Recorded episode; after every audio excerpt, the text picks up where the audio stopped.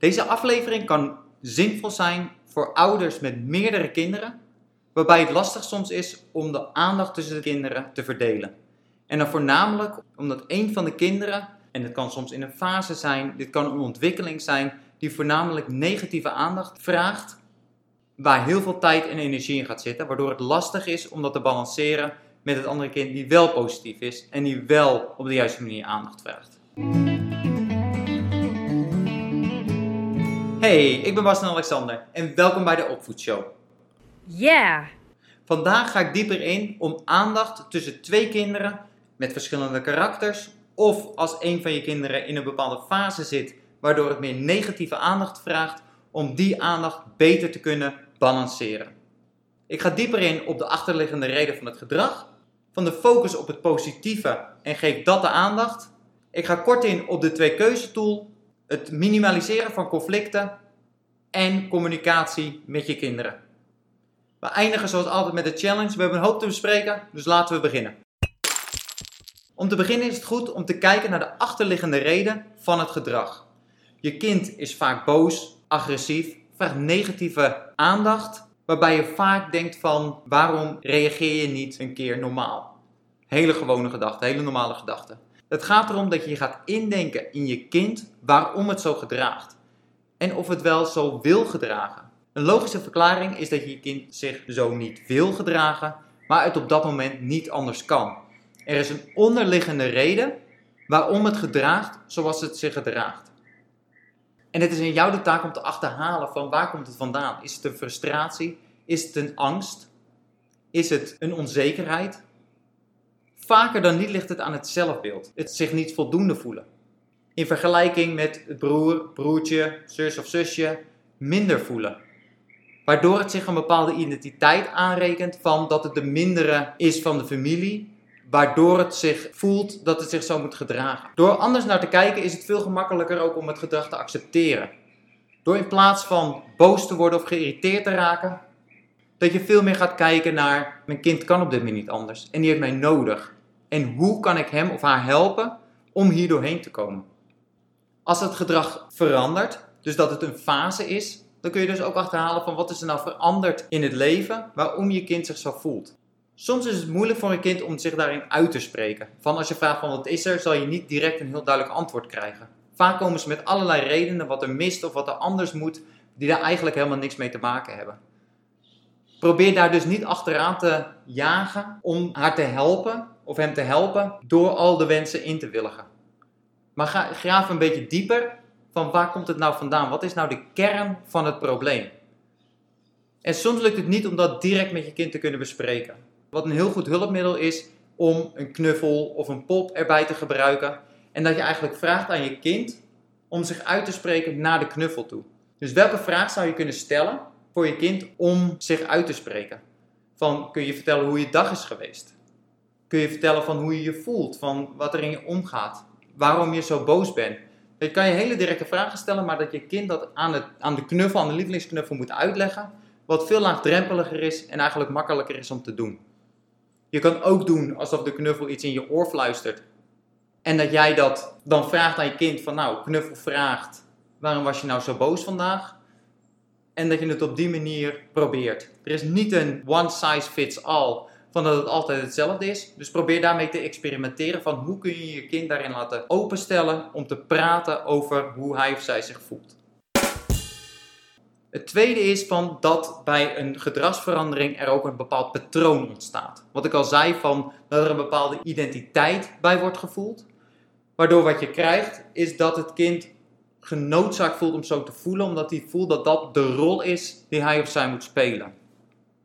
Wat jij kan doen om dat patroon te doorbreken, is om juist op het positieve te focussen. En ook al doet hij vier dingen verkeerd en één ding goed, benoem die dan. Of juist als hij één ding bijna goed doet, ga daarop zitten. Van, nou, ik vind het fijn dat je in ieder geval bij ons aan tafel zit, ook al is het op de grond. Ik ben al blij dat je bij ons bent. Probeer daarin dus heel erg te kijken van wat is het meest positieve wat ik eruit kan halen en geef dat aandacht. Want nogmaals, wat je aandacht heeft, groeit. En we willen dat positieve gedrag gaat groeien. Daarin help je ook je kind om het zelfbeeld te veranderen.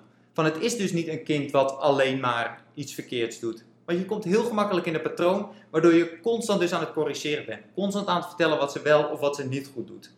En door op het positieve te gaan zitten, doorbreek je dat patroon, waardoor het zelfbeeld ook van het kind anders wordt. Ik zal ook een link toevoegen aan de show notes naar het Pygmalion effect. En die daarin leg ik uit van hoe de overtuigingen het zelfbeeld verandert en het zelfbeeld weer de acties, de acties weer jouw overtuigingen en hoe je dus eigenlijk die cirkel naar boven kunt creëren. Het moraal van dit verhaal nu is om voornamelijk het positieve te benoemen. Om aan te geven wat ze wel goed doet, het positieve. En daarin is het dus ook belangrijk om daar alle aandacht naartoe te laten gaan. Dus kinderen die zich positief gedragen, dat die de aandacht krijgen en dat negatief gedrag zoveel mogelijk wordt genegeerd. En dat je aandacht dus als een beloningstool gebruikt. Nou, ik heb al eerder over de twee keuzetool gesproken. Ik zal ook hiervan een link in de show notes zetten waarin je die nog eens goed kunt beluisteren. Maar waar het om gaat is dus dat je de twee keuzetool of het negatieve gedrag doorzetten met een consequentie of veranderen naar positief gedrag met een beloning. En dat consequent doen en dat opbouwen om je kind te leren om betere keuzes te maken. De volgende is, wat je daardoor krijgt, is dat er veel minder conflicten zijn. Dat je veel meer positieve interacties gaat krijgen, waardoor het gezelliger wordt in huis en waardoor iemand ook gestimuleerd wordt om positiever te gedragen. En dat vergt wel ook wat van jou. Want wat je moet doen is dat je de touw, touwtjes een beetje laat vieren.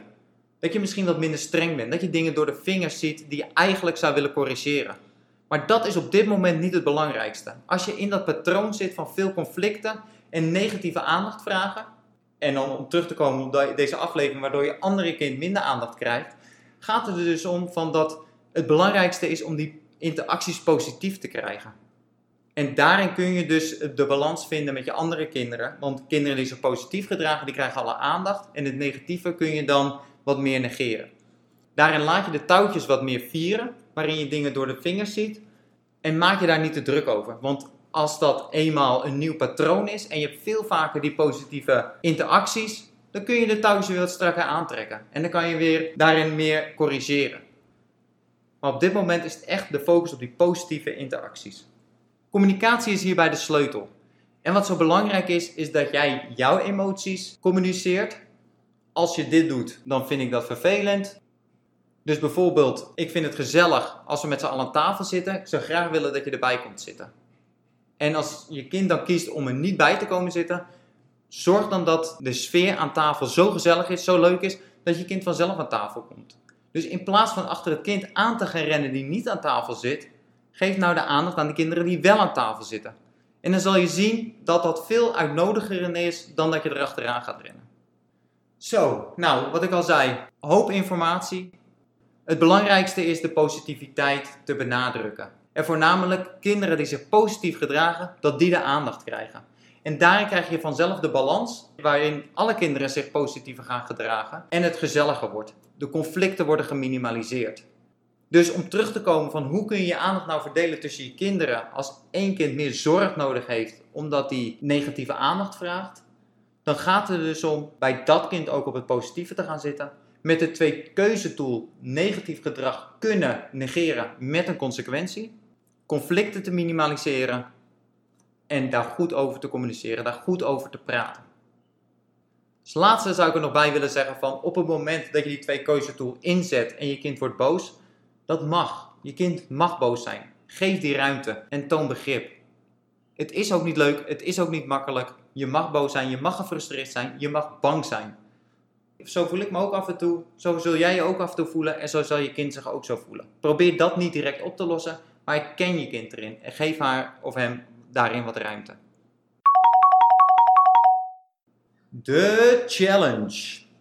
Met de challenge van deze week vind ik het belangrijk om een patroon te doorbreken. Dat de focus verandert van het constant corrigeren dat je kind zich anders moet gedragen. Wil ik dat we het patroon gaan doorbreken, dat je kind zichzelf anders gaat zien, het zelfbeeld gaat veranderen en daarmee meer positief gedrag laat zien. Wat ik van je wil vragen deze week is om te proberen om het kind die zich negatief uit, om eens een week lang te proberen om die alleen maar complimenten te geven. En wat ik zeg, dat kan dus ook zijn als hij bijna aan tafel zit, dat je daar een compliment geeft van, jammer dat je niet op de stoel zit, maar wat vind ik het fijn dat je er toch bij bent. En zelfs bij het vragen van negatieve aandacht, constant die positieve dingen benoemen en complimenten maken. Het kleinste van het kleinste, maar constant die positieve kant benadrukken. En dan ben ik heel erg benieuwd, na een week, dus dat zijn maar zeven dagen, wat voor een gedragsverandering je na zeven dagen gaat zien. Laat het me weten. Stuur me een bericht en laat me weten van hoe het gaat, hoe de challenges gaan. Ik hoop van je te horen. Dit was hem voor vandaag. Go get them, je kunt het. Tot volgende week. Ciao.